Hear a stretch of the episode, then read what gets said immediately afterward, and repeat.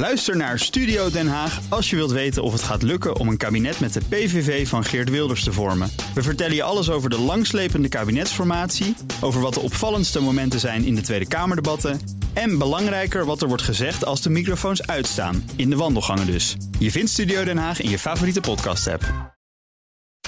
De Nationale Autoshow wordt mede mogelijk gemaakt door Leaseplan. Leaseplan. What's next? BNR Nieuwsradio. De Nationale Autoshow. Meindert en Wouter. Hij was topman van Audi. Tegenwoordig bekleedt Bram Schot verschillende nieuwe functies. Shell, Tom Tom, hij is ook nog professor geworden. Oh ja. Het is tijd Zo, voor een maar. uitgebreid gesprek natuurlijk. Ja, Ja, het en maar. een- en een moeten zeker met u college. aanspreken tegenwoordig. Ja, dat zal wel meevallen, denk ik. Uiteraard bespreken we ook het eh, belangrijkste autonieuws. En Wouter die testte de Porsche Taycan niet zomaar een met eh, achterwielaandrijving. Heerlijk apparaat om gewoon regelmatig een driftje mee neer te leggen. Ik moet even goed luisteren. Dit, dit kan je gewoon overal inspreken. Ja, lekker stil hè? Ja, ja. Ja, ja. maar dit geschiedde wel.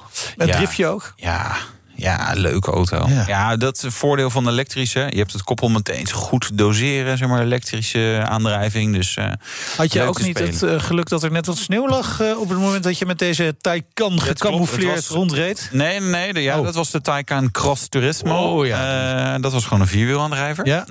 Maar dit was de, en, in in die week, einde van die week, had ik weer een andere Taycan met De achterwielaandrijver. rear wheel drive. Rear-wheel drive, yes. Only wheels. Ja, je wordt er blij van. Ik zie je glimlach. Ja, nee, heel leuk. Ik zat zelfs op Porsche.nl even te configureren. Toen Ja. dacht ik, oh wacht, het gaat toch niet goed komen Nee. qua financiën. Nee. Nee, bitcoin nog niet... eh, Nee, de bitcoins eh, nog. wachten we nog even. Ja, dan moet je blijven houden, hè? Net Ja, als de GameStop op blijven eh, zitten. Ja. aandelen, alles. eh, hold. Hoddel. Hoddel. Bij ons, onze gast dit de uur is Bram Schot, voormalig topman van Audi. Tegenwoordig Captain of Industry, kunnen we wel zeggen. En dus professor. Hoor je zo meteen ook meer over. Welkom. We hebben elkaar vaker gesproken. Dus we hebben afgesproken te tutoyeren. Als je dat nog steeds goed vindt. Ja. Heel fijn. Eh, april vorig jaar, tijdens de eerste lockdown, eh, spraken we elkaar voor het eh, laatst. Toen in de buitenlucht, aan boord, op een mooie jacht. En nu zitten we... Sloepje. Ja, een sloepje hè, eigenlijk. Nou, sloepje. Wel Een mooie sloep. Sloep. Sloep. Schitterend weer, ongeveer hetzelfde weer als nu. Ja. Was het toen? Toen lekker buiten. Ehm, het is, we zitten nog, ja, opnieuw of weer nog steeds in een lockdown. Hoe kom jij de dagen door? ja, goed. Heel druk. Dus eh, eh, niks te klagen. Achter een schermpje? Pff, nou, ik ben wel iemand die graag eh, contact heeft. Ja. Dus, eh, Ja. ja, veel meer, de- meer achter een schermpje dan dat ik zou willen. Ja. Maar bij Audi was je ruim 300 dagen per jaar onderweg. Hè? Dus het moet ook wel fijn zijn om wat meer thuis te zijn. Ja. Of ja. moeten we dat aan je vrouw vragen? Of die dat ook fijn vindt? Ja, ja, volgende vraag. Eh, nee, nou ja, weet je, het is altijd goed om, eh, om een beetje weer minder tempo te hebben. Eh, Ja. Dus dan vind je jezelf weer weer. Dat is mooi. En nu nemen we weer tempo op. Ja. Dat is goed. Ja, maar wel te veel scherm. Ik vind wel dat je digitaal kun je veel meer doen dan ik gedacht had. Maar je mist toch wel een beetje het, Ja. het contact en het non-verbale. Ja. weet je. Als iemand wat zegt, meent hij dat nou of niet? Ja, precies, ja. Ja, ja dat vind ik, vind ik inderdaad ook wel lastig. Eh, En, en soms merk je wel van, oh ja, hij meent het wel echt. Maar ik, nu ben ik inmiddels ook pissig. Maar dat heeft hij helemaal niet door. Want hij zit er om maar heel klein op een schermpje. Eh, vorig jaar zat je in de afrondingsfase bij Audi. Eh, is, is dat hoofdstuk helemaal klaar? Ja, ja, dat is helemaal klaar. Als je je goed voorbereidt, dan, eh, dan moet je ook een streep zetten. Ja. Het heeft ook te maken met het feit dat ik het ook niet op, op prijs zou stellen als mijn voorganger ook nog voor mijn voeten zou lopen. Dus ik, eh, nee, ik, ik ben er heel duidelijk in geweest. Ja. Eh, je, wat je doet is je. Kijk, eh, mijn opvolger is een hele, hele leuke vent en ook een hele goede kerel. Dus die, die hoef je ook niet te veel te vertellen. Die Marcus zijn accent. Ja, die doet hartstikke goed. En hij is een ander mens dan ik. Dat was ook nodig. hè. dus je, bepaalt, je hebt de, bij bepaalde periodes in een bedrijf heb je bepaalde soorten mensen nodig. En hij, ja wat, wat voor soort mens ben jij dan? nou ja, ik, ik, had, ik, ik, had, ik erfde natuurlijk het, dieselprobleem. hè. Dus, eh, dus je hebt een organisatie die, die echt wel een, iemand nodig had die bereikbaar was. En die eh, onorthodox is. En die met verschillende problemen kon omgaan. En niet zeg maar het, het, het normale padje afloopt. Ja. Eh, want anders dan, eh, kijk, als je blijft doen wat je altijd hebt gedaan, dan krijg je wat je altijd hebt gekregen. Nou, en dat Ja. vonden we niet zo gezellig. Nee. Dus je moet dingen wel anders doen. Ja. En eh, je moest de organisatie klaarmaken om, om een nieuwe, zeg maar, eh, technische, innovatieve periode in te gaan. En daar is Duursman perfect geschikt Ja, voor. ja. Daar, was, Maar is- daar ben ik minder geschikt. Maar oké, maar is, is wel heel veel van wat er nu eh, gebeurt bij Audi... neem ik aan, wel door jou in gang gezet destijds. Ja, net zo goed als dat de, de, de, eerste, de eerste jaar bij Audi toen wij een record afzetten hadden, komt door mijn voorganger toen. Dus ja. kijk, je bent vier, vijf jaar bezig om, om productprogramma's op de weg te zetten. Ja, die. ja, ja, dat lijkt me wel raar. Want je bent inderdaad zo. Je, hebt dan. Je hebt duidelijk een koers uitgezet. Hè. Het, lijkt ons, hè, want zo sta je wel bekend. Maar eigenlijk zien we dat vanaf nu een beetje. Ja, nou, we hebben voor, vorige week is, de, is, de, is die e-tron GTE. Ja, dat is een auto die, eh, die onder mijn uh, bezielende leiding op de stand gekomen is. Maar, ja. maar ook zelfs uh, onder de bezielende leiding van mijn voorganger. En, ja, ja. Kijk, het zijn trajecten van vier, vijf jaar. Ja. dat, is, dat is lastig. Maar ook moeilijk in te schatten wat, wat, wie wat dan heeft gedaan. Nou, wat het lastig is, is natuurlijk Um, kijk, je kan wel zwaar een, een, een, een, baas van een bedrijf vervangen, maar je hebt, dat is niet het enige natuurlijk. Hè. Je hebt, je hebt uh, goede echte topmanagers eronder zitten en daardoor heb je, heb je je continuïteit. Je kunt uh, zeker met die lange lead times van vier jaar niet uh, iedere twee jaar, drie jaar, vier jaar zeg maar zomaar een koers veranderen. Dat heeft nee. wel zijn consequenties. Ja. Maar goed, de, de topman of topvrouw, hè, degene die ze kiezen, is wel redelijk bepalend, kan ik me voorstellen, voor de lijn uiteindelijk waar een bedrijf op gaat. En kunnen we het dan misschien vooral zien aan de, de zaken waar je dan een streep door hebt gezet bij Audi? Nou ja, Wouter natuurlijk zijn hele TT-verhaal. Ja. Dat is iedere keer hetzelfde. Ja. Um, nee, je, je, moet wel. Kijk, die keuzes die zijn niet zo ingewikkeld en ook niet zo moeilijk. Het zijn alleen niet altijd leuke keuzes. Nee. Want of je nou. Kijk, als je een autootje hebt waar je heel veel aan moet verbouwen. om hem voor de nieuwe emissiewetgeving over vijf jaar in orde te brengen. en zo'n auto heeft 25, 30.000 uh, auto's per jaar afzet. Ja, dan is het volgens mij een ABC'tje dat je daar niet mee doorgaat. Ja. ja, dat je dan heel veel fans verliest. In dit geval ook Wouter. Ja.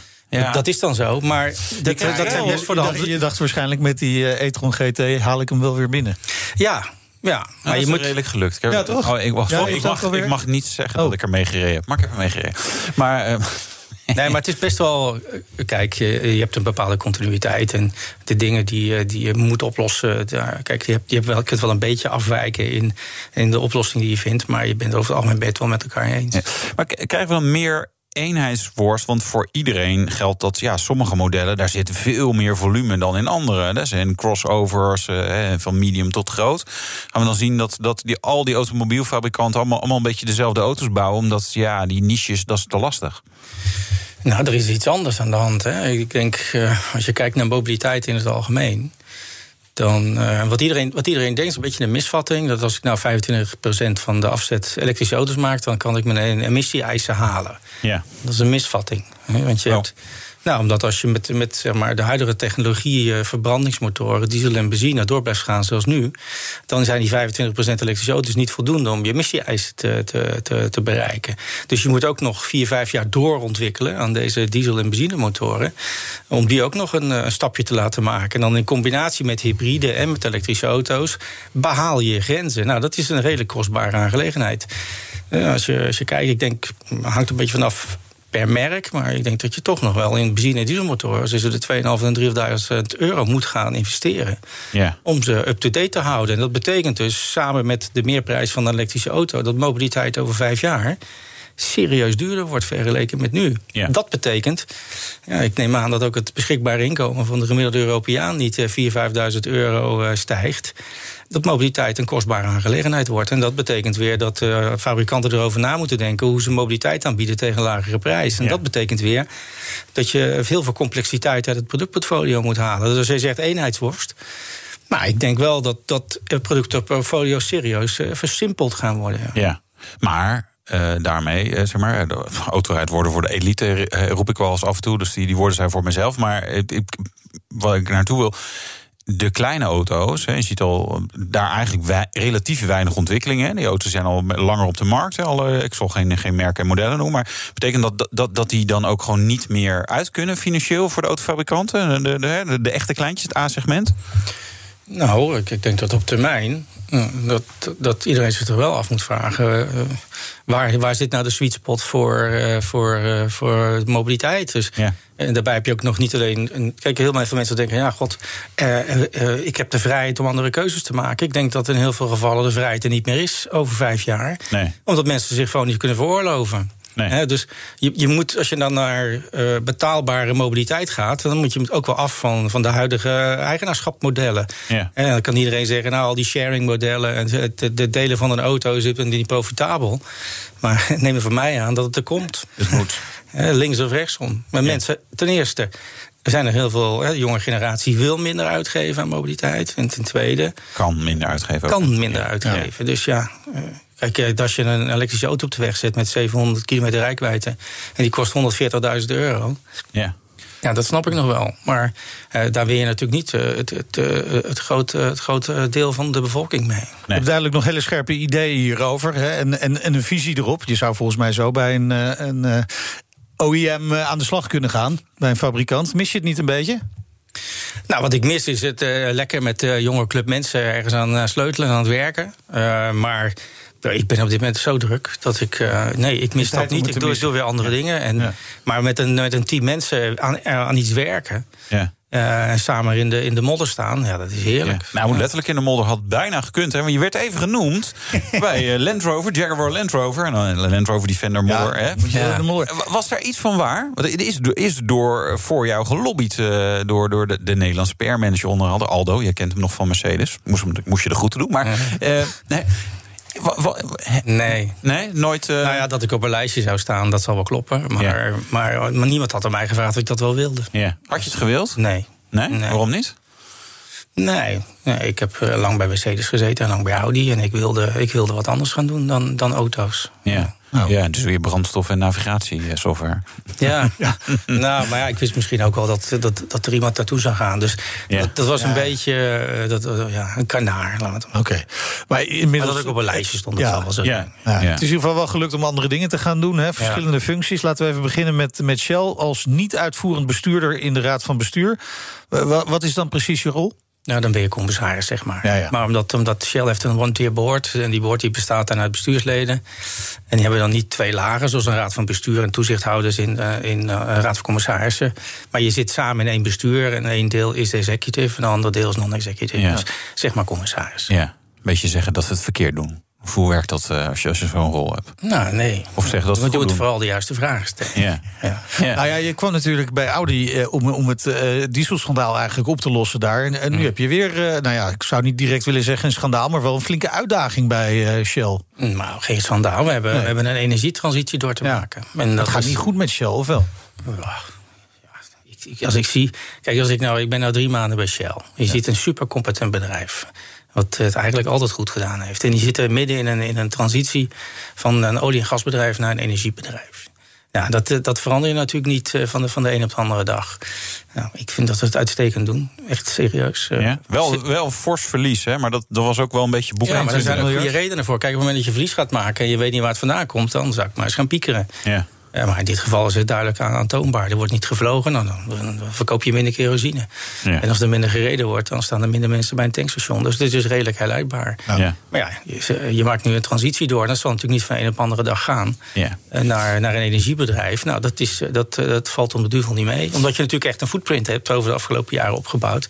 Die je niet zomaar van de een op de andere dag eh, kunt laten verdwijnen. Nee, maar dat is natuurlijk altijd het probleem. Is de, de legacy en automatisering heb je dat ook. Hè. Eh, je hebt ooit iets neergezet en het is moeilijk om dan eh, zeg maar te veranderen.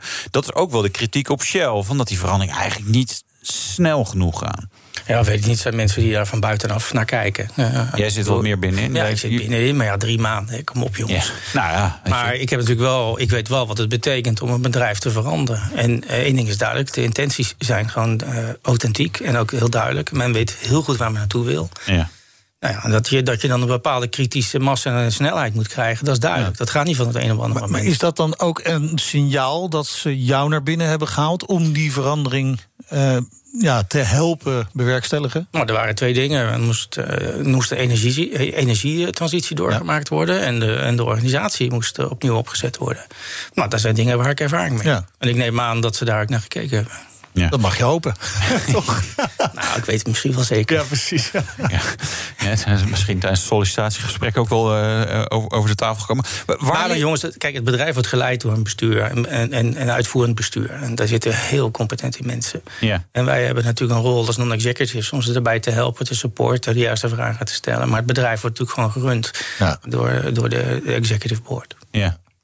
Waar, waar, waar, waar, liggen die kansen voor Shell? Is dat, is dat waterstof, elektrisch, toch brandstof of hele andere dingen? Nou, ja, zeker. Hè. Ik denk dat we over elektrisch nog heel uh, mooi bomen op, op, kunnen zetten. Ja. Um, Zeker, ja, die energietransitie. Waar, waar de uitdaging zit met name, is dat je. Uh, kijk, als, als, als energieleverancier heb je natuurlijk ook te maken met bepaald gedrag van klanten. Ja, dus, dus als je kijkt, als je je CO2-voet... rukkers inderdaad, die gewoon je product, verkeerde product kopen. Nou, nee. Nee, luister, kijk, mensen willen, kunnen heel, heel veel leren... maar het is dan niet altijd even makkelijk om af te leren. Nee. En, te denken dat je uh, dingen die je 20, 30 jaar gewend bent te doen... zomaar van een of ander moment zeg maar, gedag kunt zeggen... dat, dat valt niet mee. Nee. Uh, je ziet nu ook, hè, we hebben net even bij het uh, voorpraatje over elektrische auto's zitten praten. Ja. Uh, kijk, ik denk dat als de, als de wetgeving niet een, een stok achter de deur zou zijn geweest, dan zou je waarschijnlijk een mindere, snellere zeg, een transitie gehad hebben van verbrandingsmotoren naar elektromotoren. Ja, daar zit natuurlijk de kans. De kans zit, maar niet alleen een kans, hè, er is ook een verantwoordelijkheid. Als je kijkt naar de doelstellingen die Shell heeft neergelegd, dan willen ze de CO2-footprint serieus verlagen. En dan kun je een deeltje kun je dat direct beïnvloeden door, door je logistiek en je productie en, en je raffinaderijen. He, dat heb je dan direct onder controle. En het andere deel, het groot, overgrote deel, komt uit ge, veranderd gedrag ja. van klanten. En dan heb je natuurlijk ook een educatieve rol. Ja, maar, maar goed, het lijkt er toch wel op, als we de berichtgeving uh, lezen en horen, dat uh, Shell wel heel veel mooi je dingen zegt over transitie, maar geen een van de doelen is gehaald tot nu toe. Nou ja, ze staan aan het begin, hè. Dus uh, kijk... Uh, ja, als je zelfs dan al de doelen niet haalt... Nou, als ik zei, kijk, je, je, je refereert waarschijnlijk aan de, aan de 3,2 miljard en de 3,4 miljard. Ja. Dat was de onderkant van de bandbreedte. Ja. We hebben net een strategieweek achter de rug met Shell. Uitstekend ontvangen. Okay. Uh, heel solide. Kijk, wat wij niet doen vergeleken misschien met een paar anderen... is dat we uh, beloven dat alles in orde komt in, in twee, drie dagen. En uiteindelijk moet je terugkomen op je doelstellingen. Hm. We leren iedere dag. En neem van mij aan, ik zou niet in dit bestuur zitten als ik niet zeker wist dat ze serieus wilden veranderen. Nee. Was het voor Shell heel belangrijk ook om jou aan boord te houden? Want ja, bij Audi, hè, zeg maar ook de transitie van benzine, diesel naar elektrisch, hè, daar, daar zag je middenin. Dus juist vanuit die expertise dat je gewoon wat meer kan, dat kijk je in, in, in de keuken. Nou, het helpt wel natuurlijk. Ja. Want ik, ik zit natuurlijk aan, uh, aan de kant uh, waar, waar, de klanten zaten. En waar, de, waar, de, waar, de, mensen zitten die de producten moeten afnemen. Ja. En ik heb denk ik wel een goed beeld over wat er de komende tien jaar zou moeten gebeuren of gaat gebeuren. Uh, en, en, en, hoe snel veranderingen kunnen worden doorgevoerd. Hè. Dus iedere keer die, die discussie over fuelcel en over brandstofcel. En iedereen denkt, nou, dat komt al wel snel in auto's. Nou, dat zie ik helemaal niet zo. En nee, ik weet ook waterstof zo. hebben ik, het over, ja, ja, waterstof. Ik weet ook dat dat niet zo gaat gebeuren. He, om de eenvoudige reden dat de, het gros van de, van, de, van de fabrikanten prioriteiten moeten zetten. En die zetten de prioriteit op dit moment niet bij autonoom rijden. Nee. Het is redelijk kostbaar. Je gaat naar een standaardiseerde technologie. Betekent op termijn dat je je merk er niet over kan differentiëren. En als je dan over bedragen bedraagt van 5 tot 7 miljard investeren, dan investeren we dat liever in, in digitalisering en in, in elektrische auto's en, en, en, en dat soort dingen. Dus ja, dat komt voorlopig nog niet. En ik, ik zie ook niet technisch gezien uh, dat, dat het echt een oplossing is. Ja, als je ziet dat je van elektriciteit naar, naar waterstof en dan weer naar elektriciteit, dan heb je een, een efficiëntie van 36, 37 procent. Ja. Is niet de handigste oplossing. Je zit ook nog bij een grote tank. Nee, lijkt me niet. En tegelijkertijd, de hele auto-industrie heeft net geïnvesteerd in elektrische auto's. Nee. Ja, ik weet wat het kost. En er staan fabrieken die die auto's gaan, uh, gaan produceren. Niet zo handig om dan te vertellen dat je misschien nog eens iets anders hebt bedacht. Dus dat, dat, dat kun je de komende tien jaar vergeten. Ja. Terwijl het wel logisch klinkt, hè? waterstof voor een bedrijf als Shell. Mm, ja, voor Shell wel. Maar die hebben natuurlijk niet alleen met auto's te doen. Hè. Kijk, nee. ik denk dat je, uh, ik denk dat zeker dat je naar, uh, naar groenere kerosine gaat. Ik denk dat zeker schepen. Uh, dat, uh, dat je daar wel een heel eind mee zou kunnen komen als je kijkt naar, uh, naar hydrogen. En misschien zware bedrijfswagens, maar voor personenwagens zie ik het, zie ik het voorlopig niet gebeuren. Je had het over de zelfrijdende auto. Uh, ander bedrijf waar je voor werkt is TomTom Tom, als speciaal adviseur. Hè. Waarover adviseer je het bedrijf? Nou, wat, uh, wat handig zou zijn wat om succesvol te zijn. Ja. Ja. Ja. Ja. ja. dat is logisch. Wij waren natuurlijk. Uh, kijk, je maakt maps, je maakt lo locatieplatform. Ja. Dan, is het, nou, dan ben je heel dicht bij de auto. Dus het is wel logisch dat ze bij mij kwamen. Ja, ook, ook TomTom moest een transitie doormaken natuurlijk. Hè. Ze zijn groot geworden met verkoop van de kastjes in de auto's. De navigatiesoftware, dat loopt terug. Veel auto's hebben dat zelf. Of, of gewoon mensen hebben het op hun telefoon. TomTom uh, is echt helemaal om naar de kaarten of zoveel mogelijk? Nou ja, ja.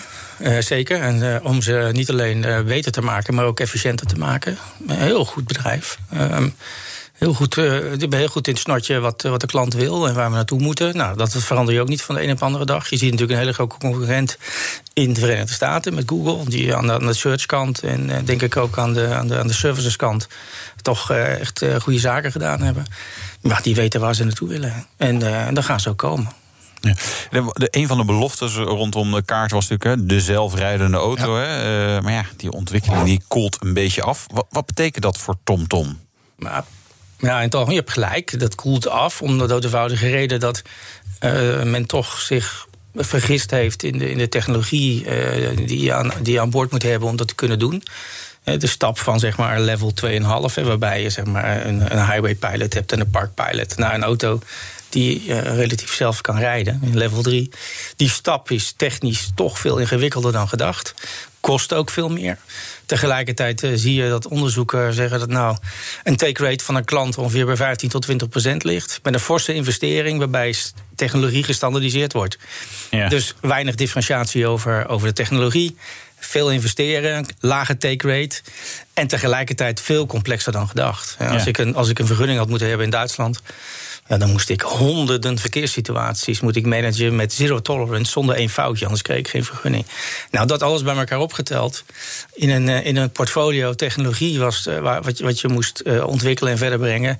En zeg, nou, dan kan ik die euro beter ergens anders besteden. Nou, ja. degene die dan hebben, zeg maar, daaraan gekoppeld hebben, een ontwikkeling van een, een high definition kaart, die daar of een zelflerende kaart. Ja, ja, ja dat, dat ligt nou natuurlijk op een lagere snelheid. Ja, ja, ja, dus voor TomTom is dat dat, ja, gaat, gaat het ja, maar die zijn natuurlijk uh, die zijn niet voor één rat te vangen. Nee. Dus er is veel meer, uh, zijn er meer bedrijfstakken die, die search en die, die location zeg maar platformen nodig hebben. En daar, daar zijn ze enorm ja. met ja, elektrische auto's bijvoorbeeld. Nou, niet alleen dat, maar ja. ook los van mobiliteit. Ja, klopt. Wat, wat, je zei de, de take rate, dat, dat die zo laag was, 15 tot 20 procent. Ik zou denken, als je toch echt een zelfrijdende auto heeft, dat wil toch iedereen? Want dat is toch heerlijk dat ik straks hier de auto instap en zeg, nou, je, je weet waar ik woon. Maar ja, want het is natuurlijk altijd in relatie tot wat je ervoor moet betalen. Ja, true. Ja, en en uh, de gemiddelde mens rijdt 38 kilometer per dag in Europa. Ja.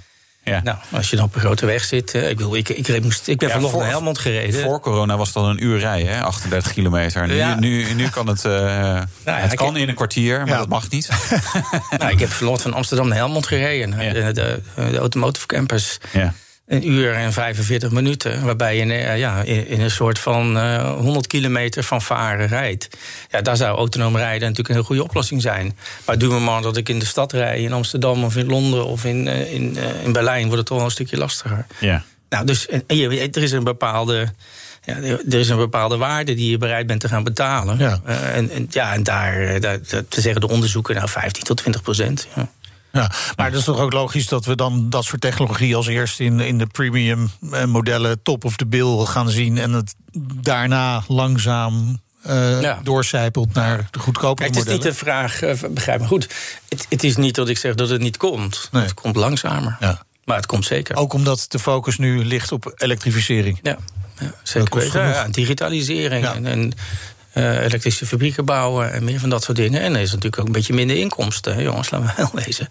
Uh, stonden natuurlijk niet in de rij in 2020 om auto's te kopen. Dus aan de ene kant heb je toch een. een je zit in het midden van zeg maar, een, een redelijke disruptie met, met autonoom rijden, met elektrisch, met, uh, met digitaliseren. Dus eigenlijk heb je meer geld nodig dan ooit tevoren. En, en, en, tegelijkertijd komt er minder binnen dan ooit. Weet je? Dus dat ja. moet je toch keuzes maken. En de vooruitzichten zijn ook nog wat somber. Ja, aan de Ik heb wel een vooruitzicht voor jullie, want nee. we gaan straks verder met het gesprek met Bram Schot. Ja, en uh, ik reed in de Porsche Taycan met achterwielaandrijving. Dit is de leukste Taycan. Oh. Ja. Nou, blijf luisteren. Tot zo. BNR Nieuwsradio. De Nationale Autoshow. Meindert en Wouter. Binnenkort staat de Taycan met achterwielaandrijving, jawel, bij de Porsche dealers. Uiteraard uh, ging Wouter al even mee op pad en nam ruim 17 minuten aan rijimpressie op. Deze Porsche Taycan wil je hebben, ondanks de prijs. Ja, Dat straks. Maar ons gast nog steeds Bram Schot, voormalig topman van Audi. Tegenwoordig niet uitvoerend bestuurder van Shell en adviseur bij een TomTom. Lijkt me heerlijk, joh. Niet uitvoerend adviseur. vanaf Beetje gewoon zeggen, joh. Zo je moet die kant op. helemaal kut. nou, dat is wel aardig. Dat is een heerlijke baan. Ja, ik denk dat er Ja, iets zou je meer verantwoordelijk- Nee, nee, nee, ik ben niet uitvoerend.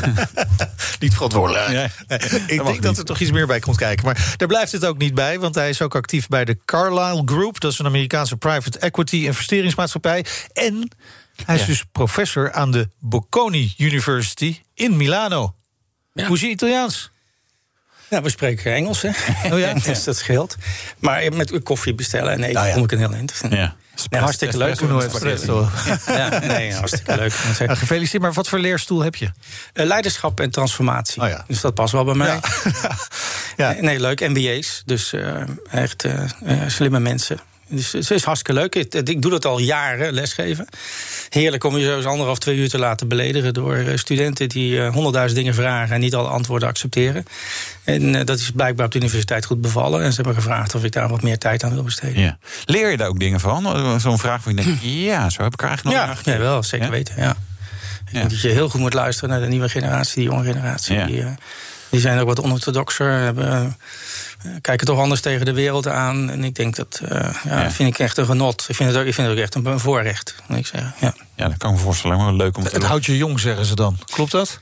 Het houdt je, ja, zeker jong. Ja, ja omdat eh, geen, geen minuut is hetzelfde. En, ehm, ja, en zoals gezegd, hè, ze, ze, hebben, ze hebben wel respect, maar eh, aan de andere kant, eh, ze hebben, ze zijn niet bereid om zomaar ieder antwoord te accepteren. Dus ja, je leert daar enorm veel van. Het is heerlijk om met die jeugd om te gaan. Ja. Ja, en wat zijn de belangrijkste eh, lessen op het vlak van leadership en transformation?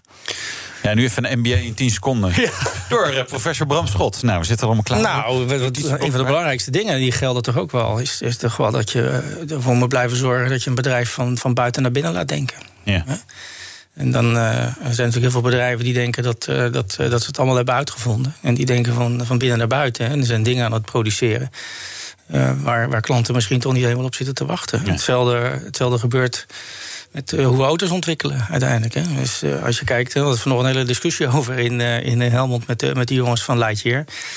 Ja, en er zijn natuurlijk heel veel verschillende use cases voor een auto. Niet iedere, iedere klant is hetzelfde. Maar we zijn natuurlijk bijna een auto aan het ontwikkelen die eigenlijk aan alle eisen kan voldoen. Terwijl een klant misschien maar 20% van die eisen ingevuld wil hebben.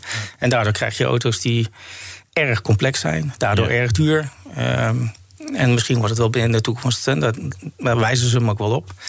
Om meer van, eh, van buiten naar binnen te denken. Wat wil die klant nou echt? En misschien moet ik gewoon dat gaan produceren waar ze op zitten te wachten. Ja. We hebben natuurlijk in het verleden wel vo- voorbeelden gezien van bedrijven die dat verkeerd hebben gedaan. Ik denk maar even aan Kodak met de digitalisering van de fotografie. Maar zo zijn er nog wel meer voorbeelden. Eh, telefoonfabrikanten die dachten dat we geen eh, touchscreen wilden.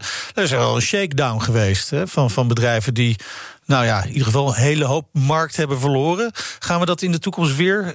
Nee, ik denk Zien? dat je. Ik heb het is ook een noodzaak. Hè? En kijk, eh, noodzakelijkheid is de moeder van alle verandering. Ehm, en er is een noodzaak. Hè. Als je kijkt naar een gemiddelde, ook zelfs premier merk.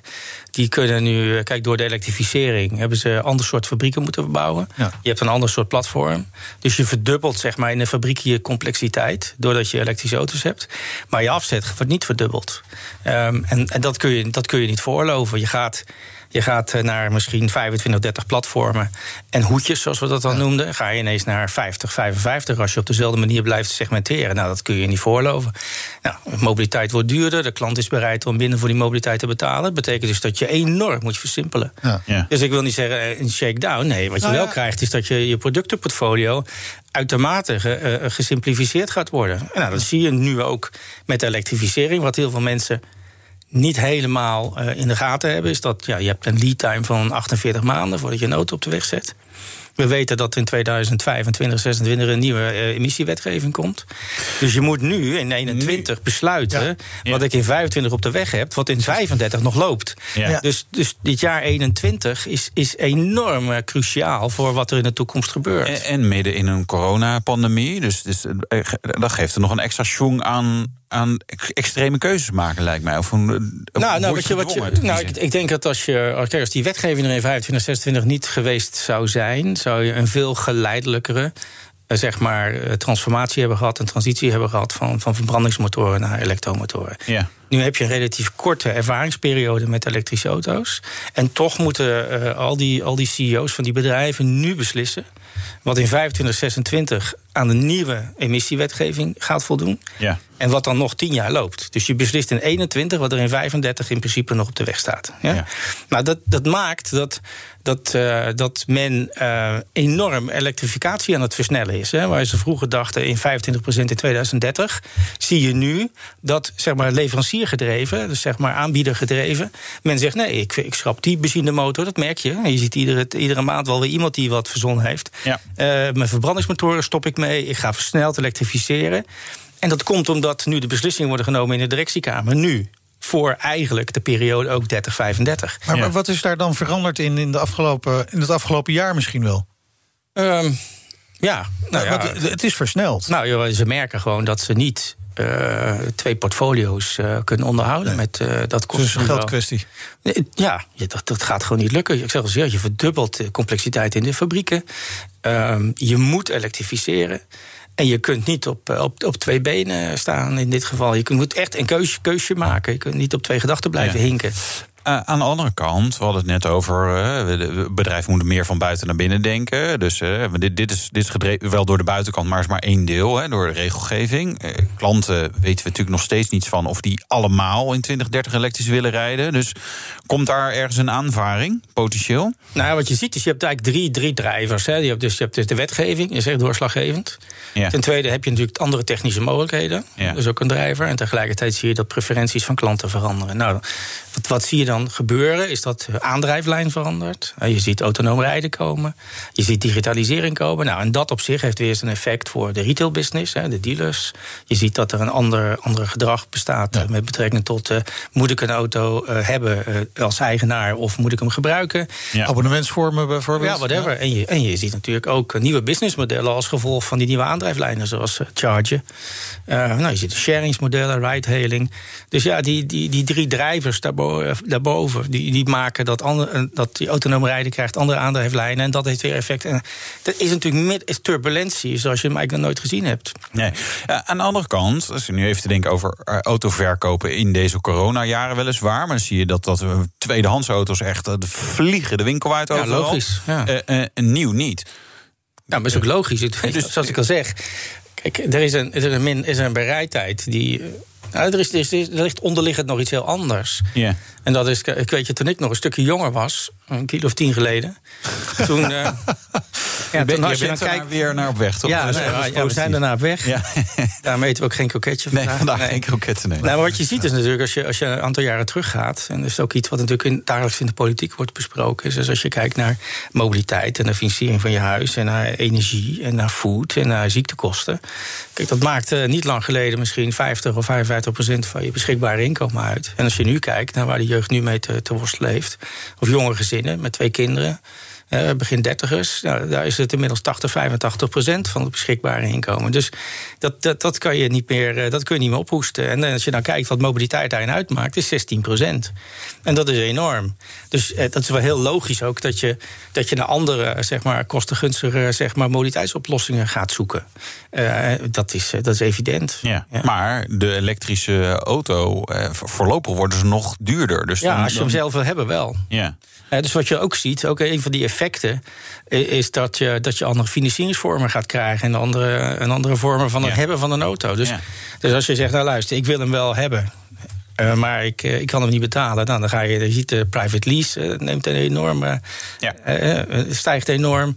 Maar waarom zou je überhaupt een auto moeten willen hebben als, als, als eigendom? Ja, dan gaan we lekker sharen. Ja, ja vrijheid. Ja. op vakantie kunnen. Ja, maar dat, dat, dat, dat, ziet toch denk ik ook de nieuwe generatie ook anders. En tegelijkertijd heel vaak vroeger journalisten al altijd mij...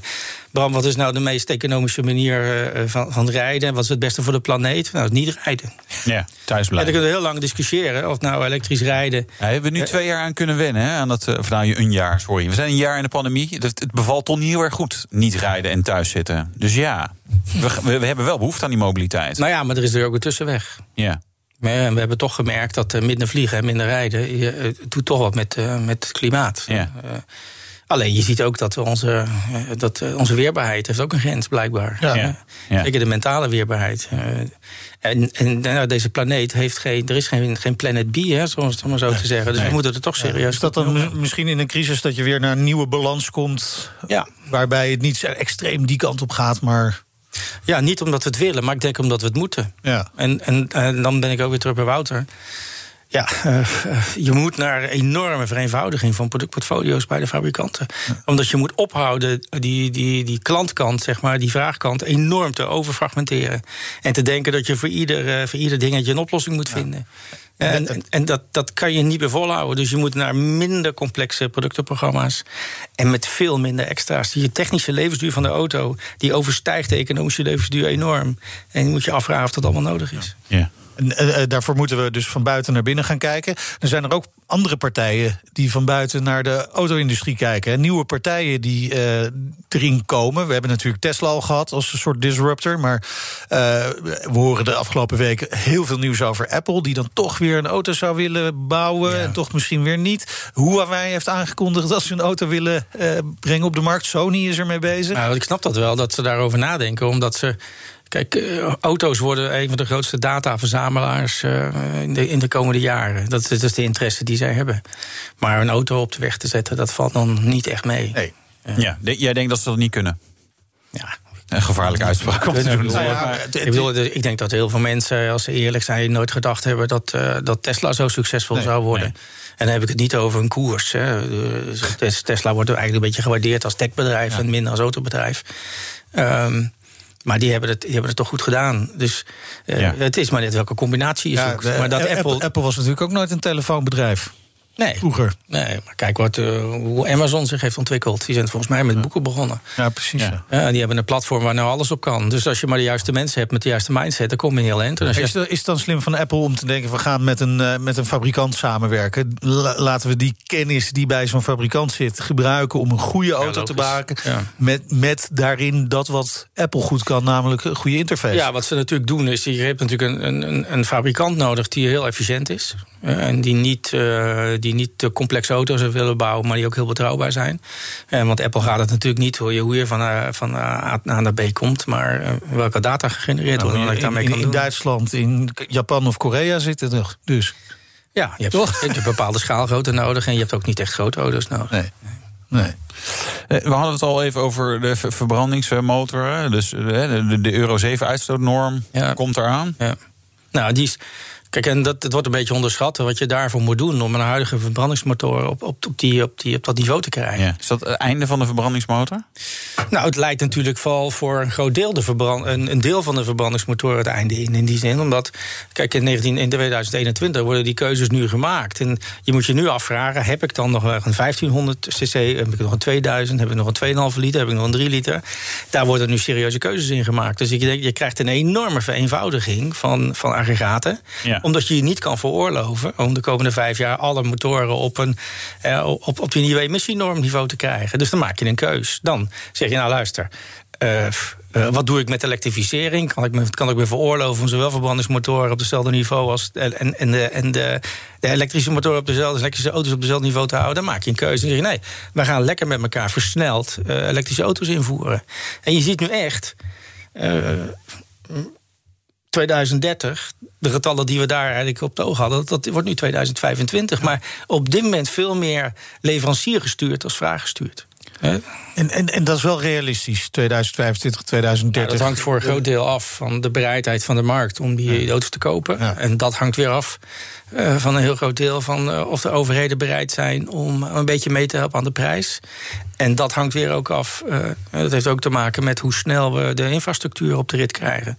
Ja. Want als Ja, dus, niet- dus je zegt ook eigenlijk, de overheid moet niet alleen zorgen voor die regelgeving. Hè, want die regelgeving bepaalt wel dat die fabrikanten versneld ele- gaan elektrificeren. ja. Maar, maar ze moeten ook wel zorgen dat het dan betaalbaar wordt voor, voor de burger. Waar Nou ja, laat ik het zo voorzichtig zeggen. Het hangt een beetje, het is natuurlijk een beetje prijselasticiteit. En wat we zien is dat op het moment dat ergens in een land in Europa uh, zeg maar de, de, de subsidies, uh, de incentives afnemen, dat uh, direct een correlatie is met de orderintake. Dat is een land hier heel dichtbij. Ja, ja. ja. Nou, het verkiezingsthema is natuurlijk een van de dingen betalen naar gebruik. Ja. Ergo, we moeten eigenlijk elektrische auto's ook gaan laten betalen. Want geen wegenbelasting, accijns op elektriciteit is ook een beetje ingewikkeld. Dus, dus, dus eigenlijk gaan in Nederland zijn we al lopen voor de muziek uit. We gaan nu proberen meer te belasten.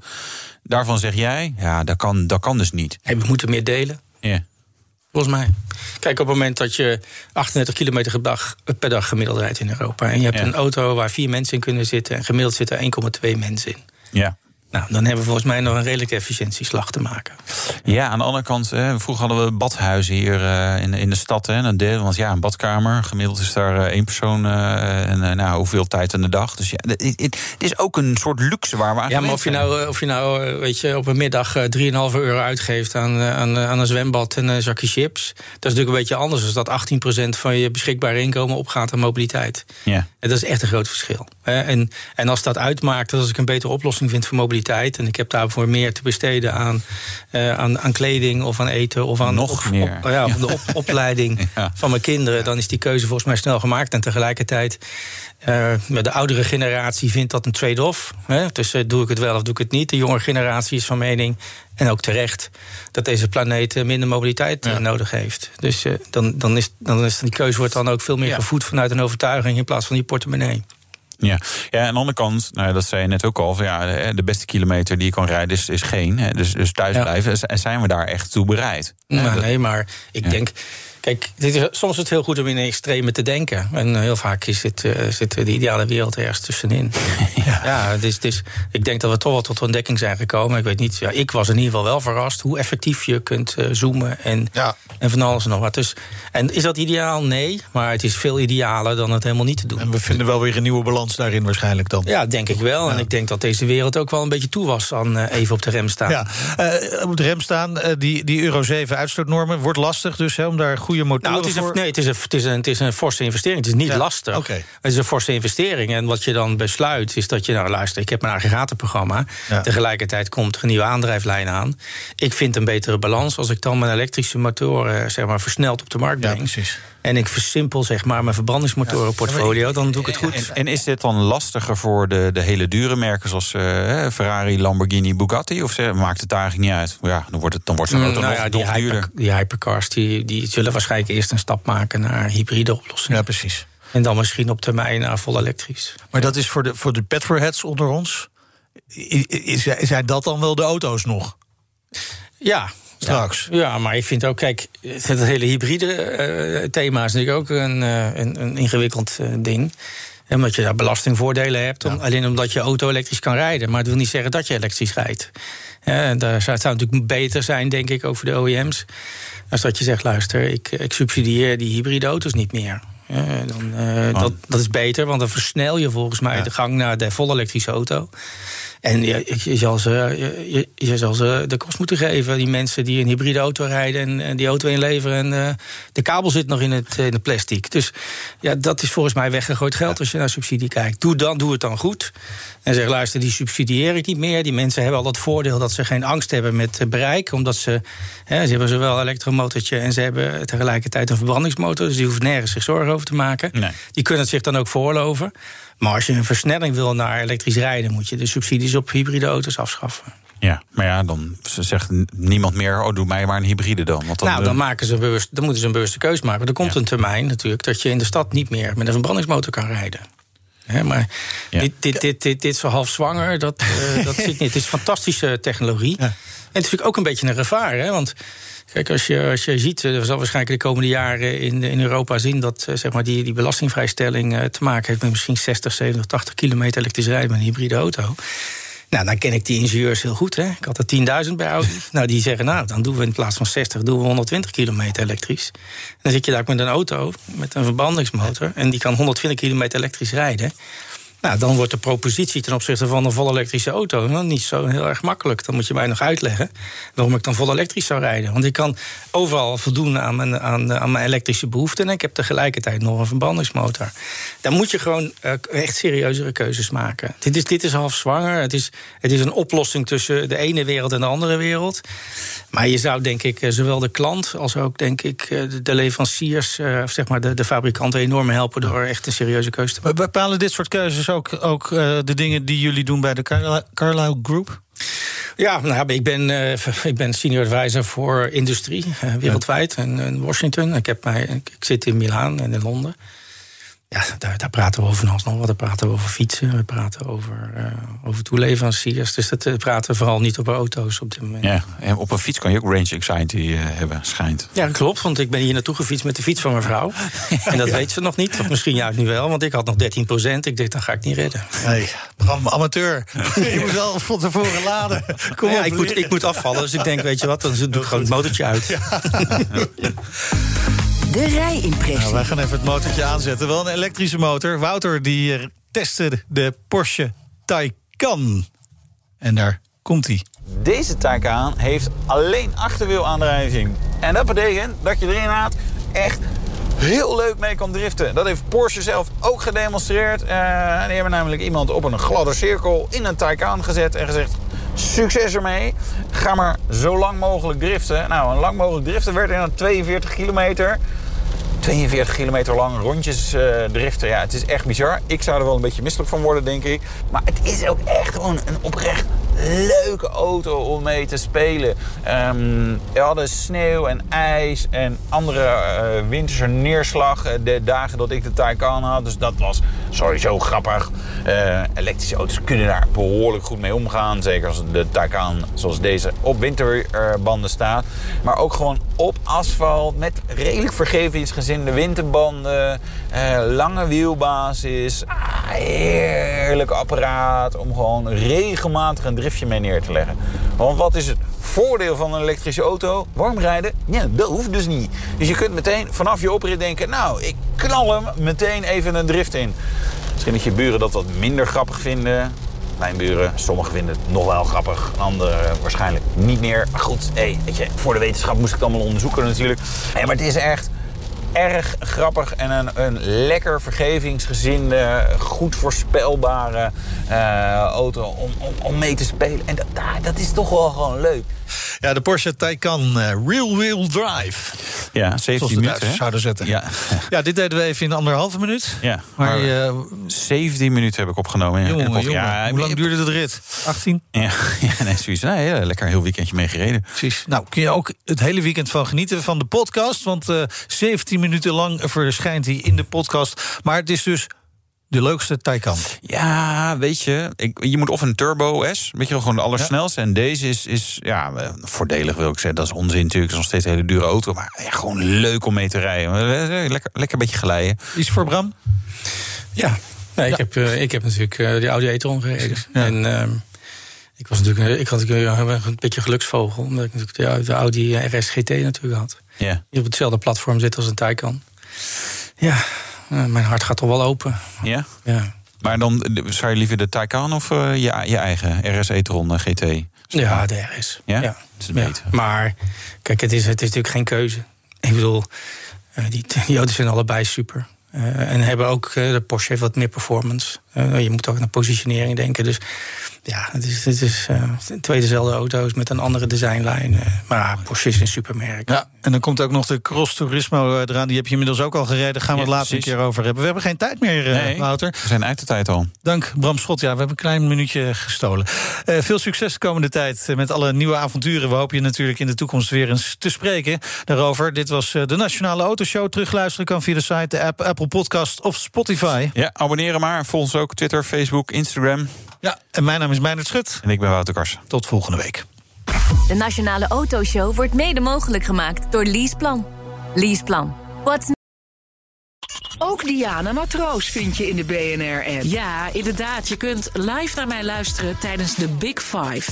Ook handig in de BNR-app. Breaking nieuwsmeldingen, maar ook het allerlaatste zakelijke nieuws. En je vindt in de app alle BNR-podcasts, waaronder Wetenschap Vandaag. Download nu de gratis BNR-app en blijf scherp.